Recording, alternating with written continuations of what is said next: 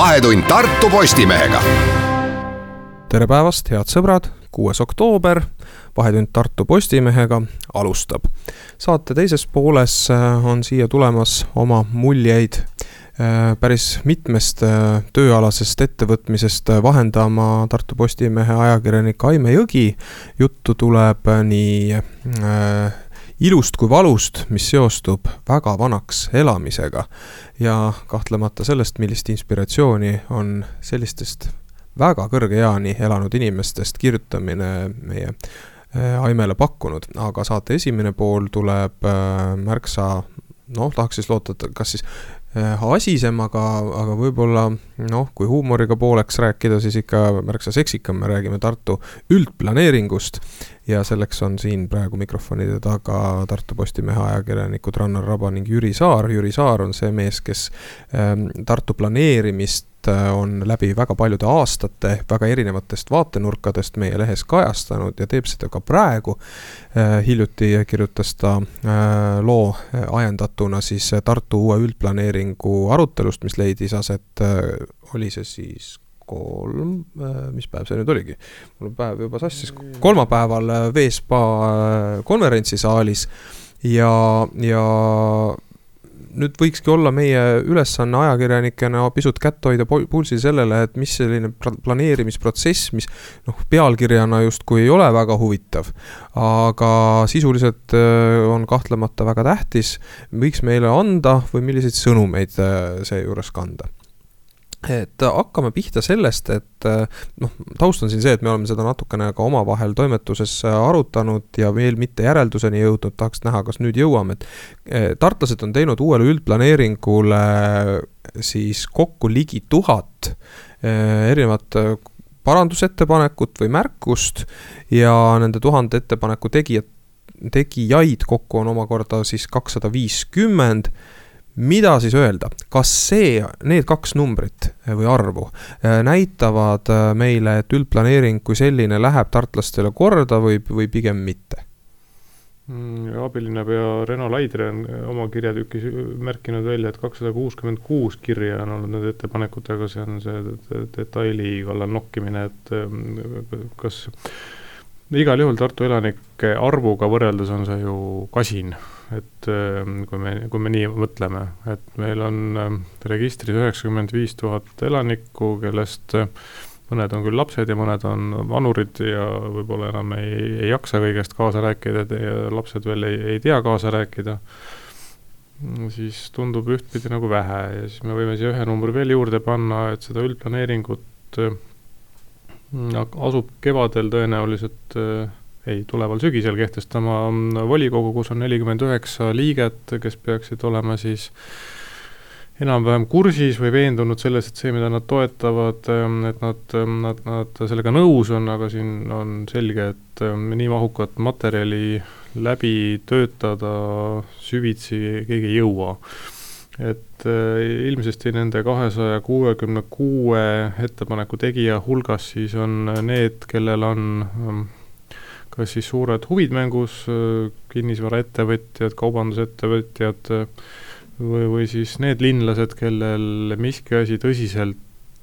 kriibib, noh, Sadama raudtee, Ujula tänav, pargid ja nii edasi, et et mis see käivitaja siis on, ikkagi tavakodanikule rahu, rahulolematus, kui palju siis kaasa kiidetakse, jah, teeme. et me peame ju silmas hoidma seda, silmas pidama seda, et üldplaneering ei garanteeri mitte kellelegi ühtegi muudatust, üldplaneering võimaldab äh, mõista, milliseid muudatusi kavandatakse, sellepärast et nende realiseerimiseks, no ehitamiseks on tarvis raha, seda raha ei pruugi tulla, otsused võivad muutuda ja nii edasi. Mm, et äh, jah, et see vist ei ole üheselt vastatav, et kas seda on palju või vähe. noh, loomulikult siin on üks taust ju veel, et kas, kas on ilus ja õilis, kui me räägime suuremast kaasamisest ja demokraatlikust linnajuhtimisest, see, et ähm, taolised dokumendid avalikule arutelule siis saadetakse jaanipäeva paiku ja see avalik väljapanek on kolmeteistkümnendast juulist kuueteistkümnenda augustini, nagu siin kirjas oli. et äh, tõenäoliselt suur osa inimesi sellel ajal oli kas kuskil äh, mm, rannapuhkusel või, või, või, või juba seenemetsas ja väga ei tegelenud dokumentidega millised võiksid olla siis need peamised teemad, mis nendest esitatud äh, vaietest või muudatusettepanekutest äh, enim esile kerkisid, see on ju peamine indikaator, mis näitab. noh, nagu sa isegi ütlesid, et keegi peab olema millegi peale pahane või millegi pärast mures. et äh, mida meie siit võiksime välja lugeda, mille pärast siis ollakse peamiselt mures, sina tõid noh, sealt arutelult välja ühe, ühe lause, mille linnainsener Mati Raamat välja ütles ja mis ma saan aru, seal saalis sellise imestuskahina esile kutsus, et kui ta ütles, et Tartu pole seadnud tegelikult endale eesmärki autoliiklust vähendada ja, ja siis see nii mõnelegi tundus olevat üllatus. aga see oli nüüd üks nendest sellistest värvikatest seikadest, mida sa pidasid oluliseks esile tõsta, mis meil veel seal on see oli päris äh, huvitav hetk saalis, sellepärast et saal ikkagi vakatas, ähm, üks linnaametnik ütles, et ta lootis, et ajakirjanik on selleks ajaks juba saalist lahkunud, näe paraku ei olnud, aga siin on siin võib ajas tagasi minna ja vaadata, et tegelikult äh, see, on ju normaalne, kui ka organisatsioonis, mida linnavalitsus on, on ideede ja seisukohtade võistlus, on neid, kes kaitsevad siis ähm, noh, ühesõnaga, kes kaitsevad siis oma erialast lähtuvalt äh, seda, seda, seda parimat lahendust, ehk, ehk et kui linnainseneri asi on vaadata, et liiklus, liiklus Tartu tänavatel ära mahuks, siis äh, võib-olla tõesti ta peabki ütlema, et, et teeme, teeme selliseid tänavaid, kust läbi mahub. Ja, ja tõepoolest, kui auto on leiutatud, autost on väga paljudel linnainimestel abi ja, ja väga paljude jaoks on see võib-olla ainus, ainus ainus viis oma asjatoimetused ära ajada, nad, kui see, seejuures noh, linnainimesed, Tartu on ju tõmbekeskus, nad võivad tulla linna lähedalt maalt, kuhu buss millegipärast ei käi. et, et siis loomulikult auto, auto võib olla igapäevavajaduste rahuldamiseks, nagu Mati seda, Mati Raamat seda ütles aga siin on see tõsine intriig, et meil on ju just praegu ka Tartu kliimakava arutamisel ja meil on väga, väga mitmeid äh, arengustrateegiaid, kus räägitakse sellest, et äh, rohkem ühistransporti, rohkem rattaliiklust, äh, vähem, vähem autot linnatänaval, et selles mõttes nagu värin või vapustus, niisugune väike värin ja väike vapustus oli ikkagi täiesti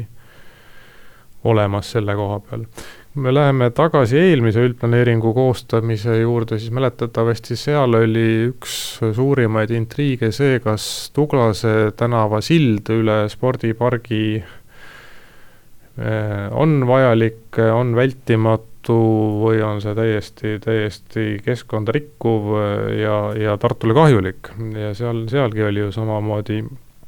üks võistlev seisukoht see, et jah, autoliikluse seisukohast on vaja ja, ja teine, et, ähm, et see äh, sportimist ja vaba aja veetmist soodustav looduskeskkond on, on suurem väärtus ja ärme tee seda silda. see on see võib-olla mõistmiseks abiks mm. -hmm see dilemma, et, et selline noh, nii-öelda looduskeskkonna ja, ja liikluse põrkumine peab, peabki olema üldplaneeringu arutamise juures äh, selliseks äh, peamiseks noh, siis nii-öelda juhtsooneks, see on ju iseenesest elementaarne. teeme siin väikese reklaamipausi ja siis hetke pärast räägime Tartu üldplaneeringust edasi.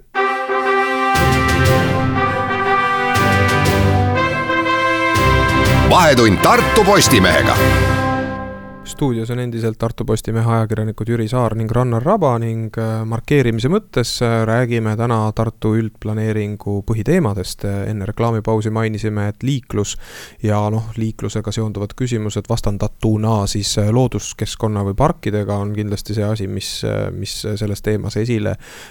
on alati kerkinud ja kerkis ka seekord. nüüd liiklusest veel, liiklusteemadel veel jätkates, kas ma, Jüri, saan õigesti aru, et meil on päevakorral kõige teravamate küsimuste küsimustena äh, Ujula tänava pikendamine ning äh, siis äh, endise sadamaraudtee koridori noh, nii-öelda sisustamine, et mis sinna siis tuleb, kas kergliiklustee või võiks sinna ka autoliiklusega tänava tekitada? tõstaks isegi sadamaraudteest ettepoole, sellepärast et ähm, sadamaraudtee koridori kasutamine siis linna läbiva autotänavana, mis suubuks Ropka sillale, on ju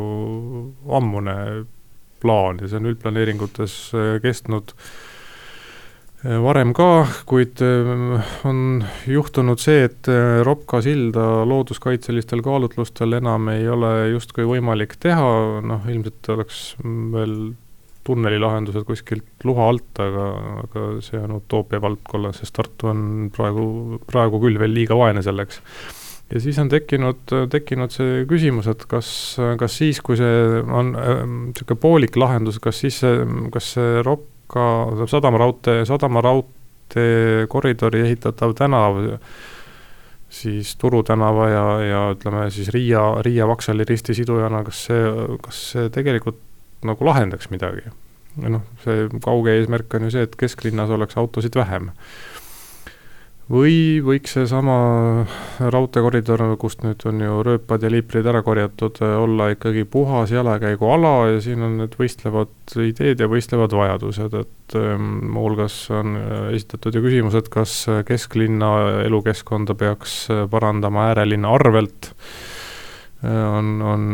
küsitud, et äh, aga kui mahuvad nii kergliiklus kui, kui autod, äh, aga see ei ole magistraaltänav, et äh, mis siis selles halvasti on, võib ju kes on Reidi teed käinud Tallinnas uudistamas, mõelda, et ähm, vaadake, kui tore see Reidi tee promenaad on iseenesest, aga minul tekib selle juures ikka, ikka ja alati seesama küsimus, et väga tore promenaad on mere äärde saanud, kuid miks seda autoteed sinna tarvis on, et sadamaraudtee koridoris on see natuke sarnane, et kui see on üks vaikne rohe, roheline koridor, mis,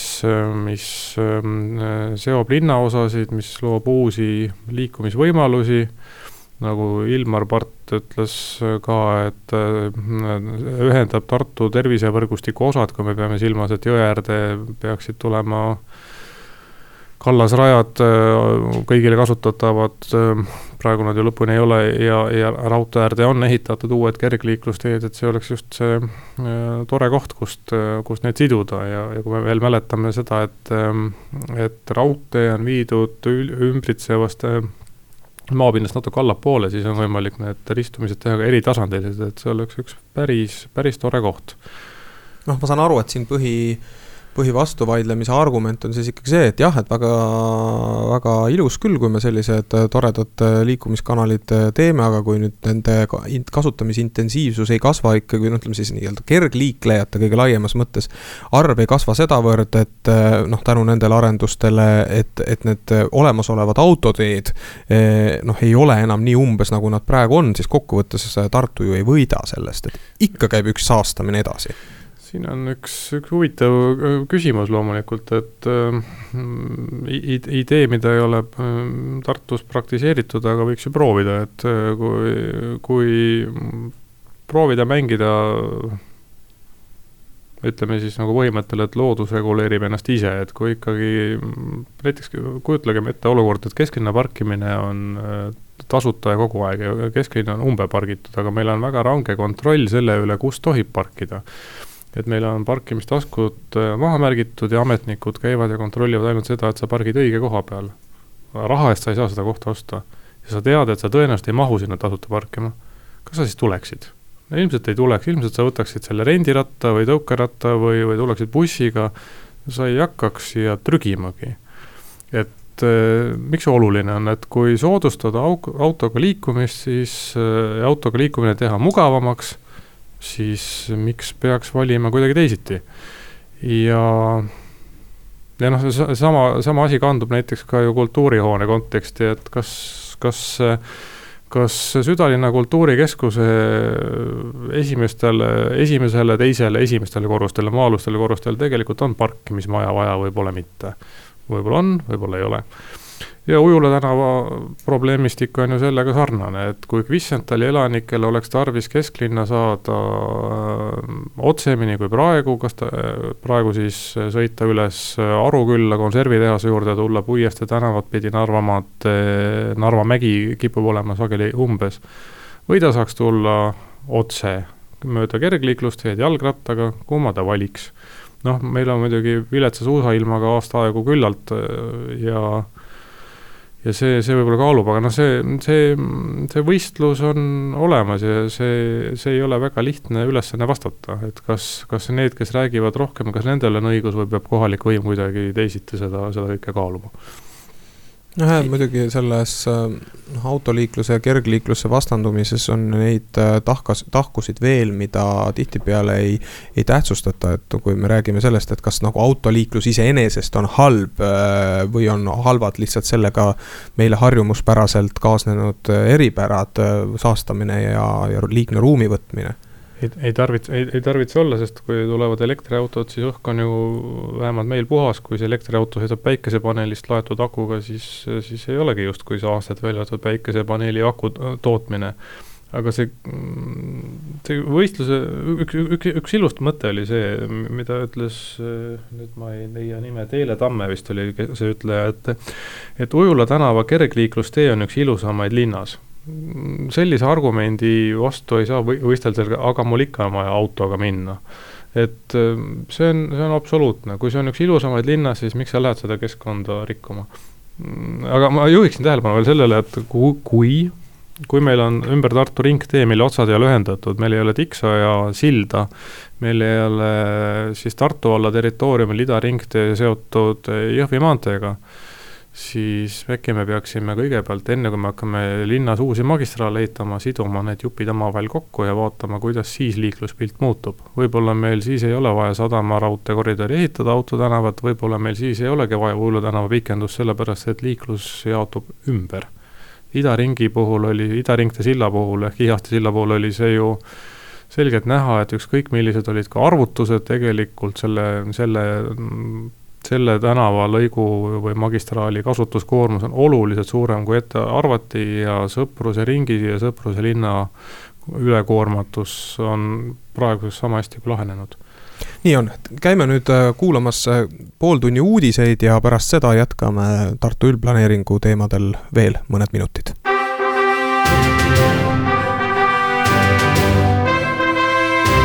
vahetund Tartu Postimehega uudised kuulatud, kuid saate teema praeguseks veel muutunud ei ole. stuudios endiselt ajakirjanikud Jüri Saar ja Rannar Raba, räägime Tartu üldplaneeringust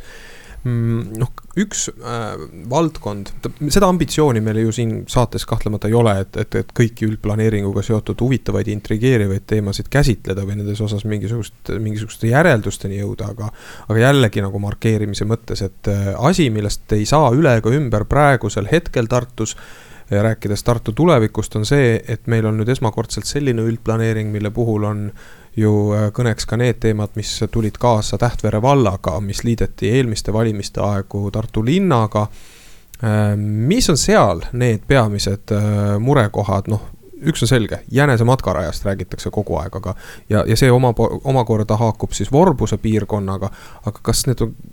no kas see jänese matkarada nüüd on tegelikult see, mille üle peaks siin kõige rohkem pead murdma või on seal mingisuguseid märksa kulukamaid küsimusi mm,? jänese matkarada on kahtlemata väga, väga tähtis teema, sellepärast et lõpuks on see küsimus sellest, kas seadus, mis lubab kallasrada vabalt kasutada kõigil, et kas see seadus on täitmiseks või ei ole. see pole üldplaneeringu küsimus no, jah, aga samal ajal kui, kui, kui mõelda Indrek Ranniku tõdemusele, kes on see üldplaneeringu eest vastutav ametnik, siis äh, on seal lahendamist äh, vajavad küllalt, sellepärast et äh, omanikke on mitmeid takistusi, mis, mis segavad kallasrae kasutamist, on erinevaid, lahendused ei pruugi olla universaalsed, kohalik võim peab seal püüdma sekkuda tõhusamalt, kui Tähtvere vald varem suutis aga noh, loomulikult kui me vaatame nagu Tartu, Tartu tulevikku keskselt, siis on ikkagi ähm, minu meelest see Vorbuse, Vorbuse võimalik linnajagu noh, umbes sama, sama oluline kui kunagi Karlova, Karlovasse majade ehitamise alustamine või, või, või Tähtvere, Tähtvere, Tähtvere linnaosa tekke kahekümne sajandi esimeses pooles või, või, või, või Tammelinn või noh, ja nii edasi, et kui Tartu kasvab ja sinna tekib uus linnajagu, siis see on oluline muutus, sellel on olulised mõjud. Mm,, muuhulgas on küsimus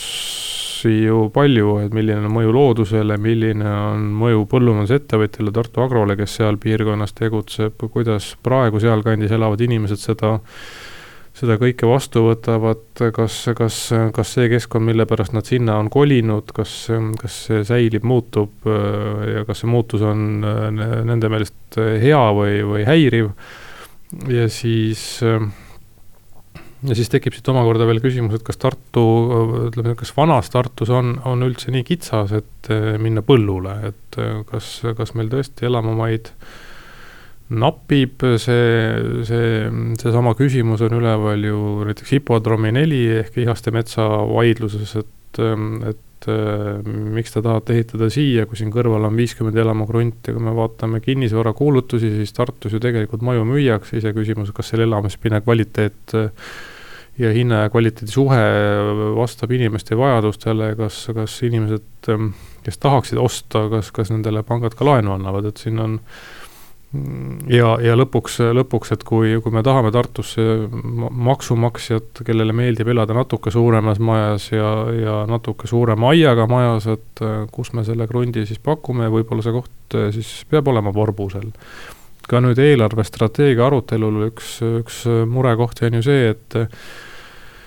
et hulk inimesi käib Tartus tööl, mm, tarv-, tarvitab siin noh, tänav ei ole hüve, aga ütleme, sõida, sõida, sõidab siin, siinsetel tänavatel,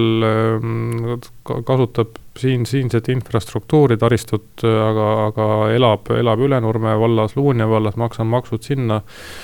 ja Tartust läheb, Tartust läheb see maksutulu justkui mööda, et võib-olla peaks elanikkond kasvama. kuhu ta kasvab?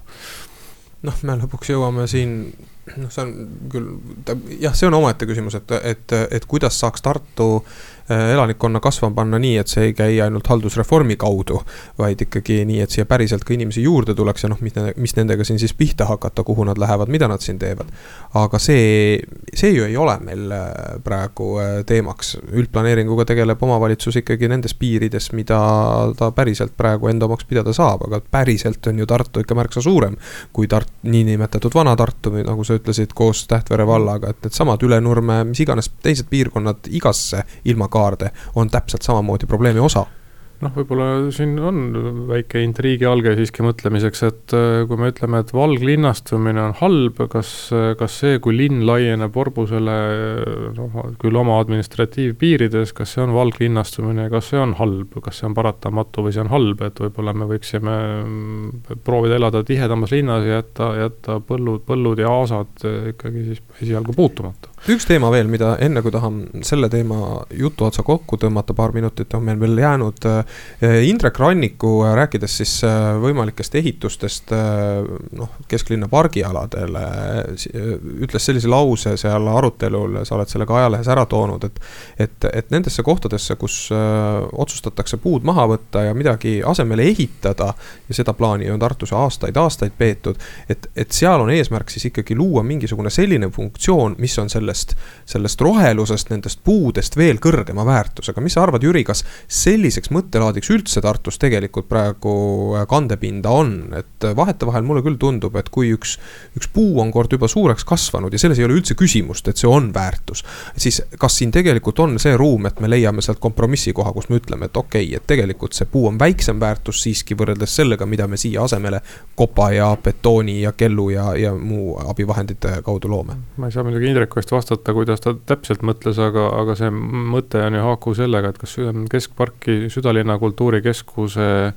ehitamiseks äh, puude, ma ei saa öelda, kas mõne või mõnekümne puu või, või kogu pargi puude, sest et äh, ei ole hooneprojekt ega, ega haljastuse projekt ja nende ohverdamine, et kas see on äh, halb, halb või, või, või, või, või vältimatu ja kas see ohver väärib, aga, aga, aga see mõte on jah ju tegelikult olnud selles, et ähm, kui ükskõik milline park meie oludes ei ole kasutatav kaksteist kuud aastas, et äh, vähemalt sama, samaväärsena, et ähm, on, võib, võib olla külm ja vastik november ja teinekord ei ole jaanuar ja, ja veebruar sellest oluliselt paremad ja aga, aga see kultuurihoone võimalik, kui see ehitatakse, sellel on ju noh, on terve äh, terve hulk inimesi, kes näevad selle, selles, selles keskkonnas, mitte öelda majas, selles keskkonnas ikkagi võimalust oluliseks arenguhüppeks ja aasta ringi, et tegevusteks, et ma, ma ei mäleta, millise planeeringu arutelu see oli, aga, aga, aga seinale kuvati foto sellest, kuidas sellest samast Poe tänava ja Uue Toru ja siis Vabaduse puiestee ja Küüne tänava vahelisest pargialast, kus oli valge lumeväli, raagus puud ja üks inimene. et see oli Tartu linn päisepäeva ajal, seal ei, seal ei olnud olulist elu, aga noh, oli talv, ma ei tea, mis oli temperatuur võib-olla, võib-olla äh, kui, kui niipidi mõelda, siis, siis tuleb nõustuda, et vahel, vahel tuleb ohverdada. üle, üle jõe äh, sealtsamast on ju teine sama, sama, samatüübiline või ei ole samatüübiline, ikkagi noh, pargi üle käiv arutelu, et kas ehitada või, või mitte ehitada. ja seal on, seal on seda mõtlemis, ütleme nagu äh, kimbatust, kimbatust vist oluliselt isegi rohkem, sellepärast et kui keskpargis on tegu ikkagi linnamaaga, linn saab otsustada, kuidas ta sellega ümber käib, siis ähm, tei-, teisel pool jõge Atlantis ümber põrkuvad ju erinevad huvid, seal on riigimaid, seal on seal on äh, eraomanikele kuuluvaid maid, seal on linnamaid, Atlantise omanikud on ju soovinud äh, seal ammu arendada. Ja linn on korraldanud arhitektuurivõistluse, aga praegu suur, suur vaidlus käib selle üle, et kas ähm, arhitektuurivõistlus, mille, mm, mille tulemused ei ole omanikele rahuldavad, kas ta saab olla siduv sisend äh, näiteks üldplaneeringusse, see on olnud muuhulgas ka Urmas Pasti poolt saadetud ühe ettepaneku teema, et et järjestus peaks ju olema tegelikult ikkagi niimoodi, et et olgu see siis üldplaneering või detailplaneering, et selle kehtestab kohalik võim, aga praegu on justkui, ja, ja sealt on, tulenevad reeglid, kuid praegusel juhul reeglid tulenevad justkui arhitektuurivõistlusest, mille on siis ära, ära kinnitanud žürii, millel ei, ei saa olla samasugust volitust kui äh, kui avalikult valitud võimul üldplaneeringu ja sellega seostuvate küsimuste üle võiks veel äh, tegelikult siin ju tunde arutada ja, ja kindlasti oleks väga asjakohane sellesse kaasata veel hulk inimesi, nii nagu seda selles protsessis äh, tehaksegi, loodetavasti need, kes on juba kord selle ree peale hüpanud, jäävad ka sinna aktiivselt äh, kaasa, aga nüüd tuleb küll tõdeda, et see, mis kuulajale lubatud sai, on püha ja saate saba. Tahaks siiski siin sisustada sellega, et räägime Tartu Postimehe ajakirjaniku Aime Jõgiga ilusa pika elu saladusest.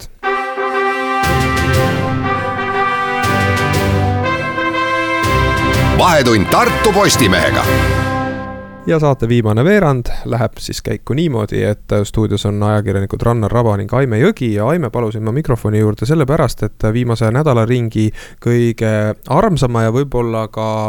ütleme siis ajaloolise tõe ja kronoloogilise jäädvustamise mõttes on ta kirjutanud kõige väärtuslikuma loo meie lehte. see on kõige vanemast eestlasest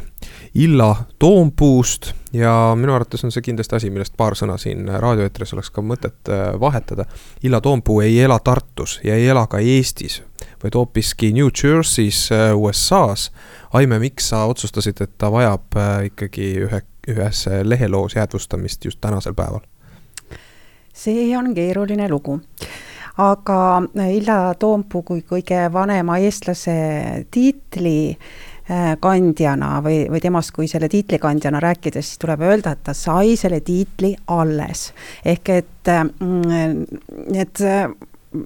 kõrge eani elavad inimesed me ju kõik oleme surelikud, ainult, ainult jumalad on surematud. me kõik sureme ja need kõrgeealised inimesed ka lahkuvad meie hulgast ja nüüd juhtuski, et, et augustikuus vahetus see, see see järjekord, ehk et nüüd Illa Toompuu on väidetavalt maailma kõige vanem eestlane. See ei tähenda, et temast kunagi ei oleks vanemaid inimesi olnud, Eestis samuti on neid olnud, aga Illa Toompuu juurde juhatas mind üks Tartu mees, kes, kes on noh, kuidas ma nüüd ütlen, mõnede minu lugude fänn ehk et äh, ta paneb alati tähele, kui ma mõne, mõne sajaaastase või enam kui sada aastat vana elanud inimese puhul äh, põhjust leian seda lehte tuua ja siis ta kiidab mind taevani ja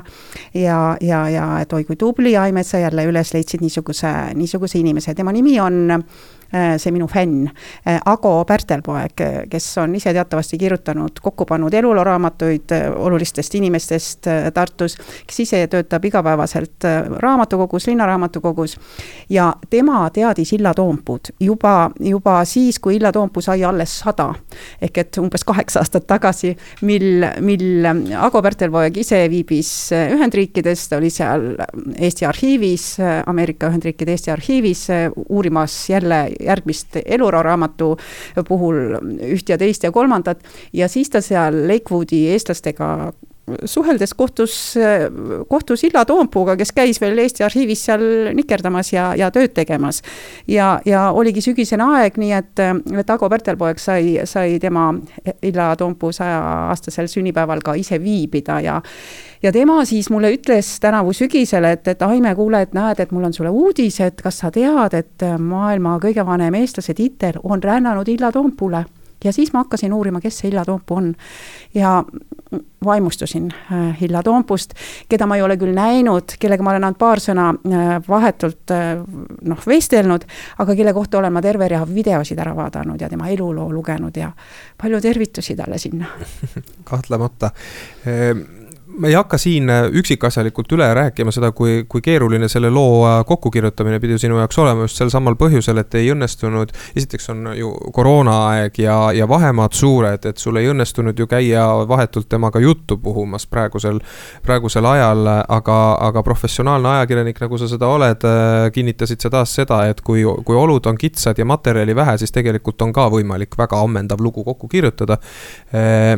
soovitan kõigil, kes ei ole veel millegipärast seda lugu lugenud, äh, kas siis meie veebist või paberlehest uuesti üles otsida ja, ja, ja siis saate te ka kindlasti aimu sellest, milline ajakirjanduslik töö selle taga oli. Äh, aga äh, laiemalt, Aime, ma tahan sinu käest küsida seda, et noh, kuna sa oled meie toimetuses see inimene, kes väga tänuväärselt alati üles leiab need, need, need eriti kõrge eani elanud inimesed ja nende elukogemuse ja nendega kaasas käiva ilu ja võib-olla pisut ka valu vahetevahel noh, elud on pikad pikad ja seal valu on kindlasti palju, aga tavaliselt nende tähtpäevalugude puhul seda eriti palju esile ei, ei tõsteta. et ma tahan su käest küsida esiteks A miks see sulle kõik korda läheb ja B, kohe küsin väga ebaviisakalt siia sellise teise komaga küsimuse järgi. millal saabub see aeg, kus me ütleme siis noh, näiteks siinsamas meil Eestis või Tartu piirkonnas ei tähtsusta enam väga olulise uudisena seda, kui keegi saab sajaaastaseks, sest neid on ühel hetkel nii palju. meile tundub ju, vähemalt mulle tundub, et neid tuleb ikkagi äh, kogu aeg juurde, statistika on sinul laua peal jah, kust nüüd alustada, et paar aastat tagasi ma tõesti püüdsin natukene uurida, et ma pidasin äh, pikki meili ja, ja telefonivestlusi Statistikaameti analüütiku Alis Tammuriga ja ja Tallinnas töötava rahvastikuteadlase Anne Hermiga ja, ja, ja ka äh, ja ka geeniteadlasest, teadlastega, kes, kelle käest küsida, et miks siis inimesed elavad kaua ja kes siis elavad kaua ja mis on selle asja mõte. aga Mm, minu meelest on äh, selle asja mõte see, et, ähm, et miks märgata neid vanu inimesi. Mm, et inimene on alati natukene rohkem, äh, kui, kui on tema sünniaasta või kui on tema vanus. ja, ja kui see tee on nii pikk olnud, see maapealne tee, siis, äh, siis neil inimestel on nii palju, kui sul ainult aega on kuulata teda öelda, mis me tavaelus siin nendes poliitika ja majanduslike ja, ja, ja ka koroonaviiruse virvendustes eh, ära unustame, mis on nagu, nagu, nagu väga olulised. Ja sellepärast need lood või nendest rääkimine mulle nagu, nagu meeldib, et no ma võiks tuua siia ainult mõned näited, et noh, kas või mm, ma ei jõua siis vist teisele küsimusele vastata. ma vastan teisele küsimusele enne ja siis vaatan, kui palju jääb näidete jaoks aega. et ma arvan, et see sada aastat, see on ikkagi ilus sündmus. ja, ja sajaaastaseks tõepoolest nüüd, ütleme, kahe tuhande kahekümnendal aastal või noh, sellel, nendel kümnendil siin praegu, sellel kümnendil elab üks üheksateist korda rohkem saja ja enamaastasi inimesi, kui neid elas täpselt sada aastat tagasi. ehk et noh, kui võtta näiteks tuhande üheksasaja kahekümne teise aasta rahvastikuloendus, siis vaatad, palju elas siis Eestis inimesi ja kui palju oli seal saja ja, ja enam vanuseid inimesi, siis see vahe on võrreldes praegusega üheksateistkordne noh, ei pea vist võib-olla üle kordama, miks see nii on, et meie aeg on muutunud ja meditsiin on muutunud ja vaktsiinid ja, ja hügieenist arusaamine ja ja nii edasi ja nii edasi, aga seal on nii palju tuhandeid nüansse, miks see niimoodi on läinud, sest tegelikult on elanud need inimesed kõik väga raske elu ja, ja see on keeruline. aga mis ma nüüd jõuan veel öelda siia saate lõppu. millised on olnud need kõige värvikamad ja sinu enda jaoks kõige tähendusrikkamad leiud äh, selles valdkonnas? No näiteks, näiteks ütles Evald Rooma, äh, kes suri kahe tuhande seitsmeteistkümnendal aastal, kui ta oli sada kuus aastat, oleks saanud varsti vanaks. Äh, kui ma küsisin tema käest, et, et no mismoodi te neist rasketest aegadest oma jäätisetööstusega ikkagi üle saite, et mis see kõige tähtsam asi on ja siis Evald Rooma vastab mulle mu noor daam, selleks, et raskustega hakkama saada, on tarvis olla võrdlemisi tasakaalukas. noh, noh, selline väike asi või, või kui äh, näiteks äh, Johanna Jekimov, kes saja-aastasena ütles, et elu on üürike aga elu on ilus, kui sa seda ilusti elad. või ehk ma jõuan rääkida Linda Elizabeth Kördist, kellega ma sain tuttavaks siis, kui ta oli sada üks aastat vanaks, vana. ja siis ma sain temaga veel, mm, kui ta sai sada kaks, sada kolm, sada neli ja sada viis aastat, me saime peaaegu sõbrannad, eks ta, ta igal aastal rääkis, mis ta on teinud ja kuidas talle kududa meeldib. ja siis saja nelja aastaselt äkki ta tunnistas, et oi, et kudumine ei paku mulle enam erilist huvi. aga kui me olime tema juures tema saja viiendal sünnipäeval, siis ta ütles, et, et ma tunnen tunnen oma viienda põlvkonna mitteilmumisest nii suurt puudust, et ma olen hakanud jälle kuduma ja ta näitas mulle väikesi papuseid, mida, papusid, mida ta kudus, et et noh, neid on hästi palju neid, neid ilusaid hetki, mida peab lihtsalt inimestega jagama sellega ma olen väga nõus, ega me siin loomulikult äh, raadioeetris neid kõiki lugusid uuesti ümber jutustada ei taha, see polegi üldse eesmärk. Äh, kahtlemata tahaksime hoida ikkagi äh, kätt selle valdkonna pulsil ja mul ei ole küsimustki väga selles, et sul endal on ka selleks endiselt huvi olemas, need värvikad killud on kindlasti väärt lehte toomist ja nii nagu sa just isegi tsiteerisid siin onu Eskimot, siis tasakaalukas elu võiks olla kindlasti see, mida ka oma lugejatele soovida, nii et võtame selle tõdemusega selle saate kokku, aitäh, Aime, et tulid siia saate lõppu. saate esimeses pooles oli äh, minu külaliseks äh, või no mis külaliseks, endiselt kolleegiks äh, Jüri Saar, meie toimetuse arvamustoimetaja, rääkisime meie üldplaneeringu teemadel. mina olen Rannar Raba, ootan teid kindlasti nädala pärast taas seda saadet kuulama.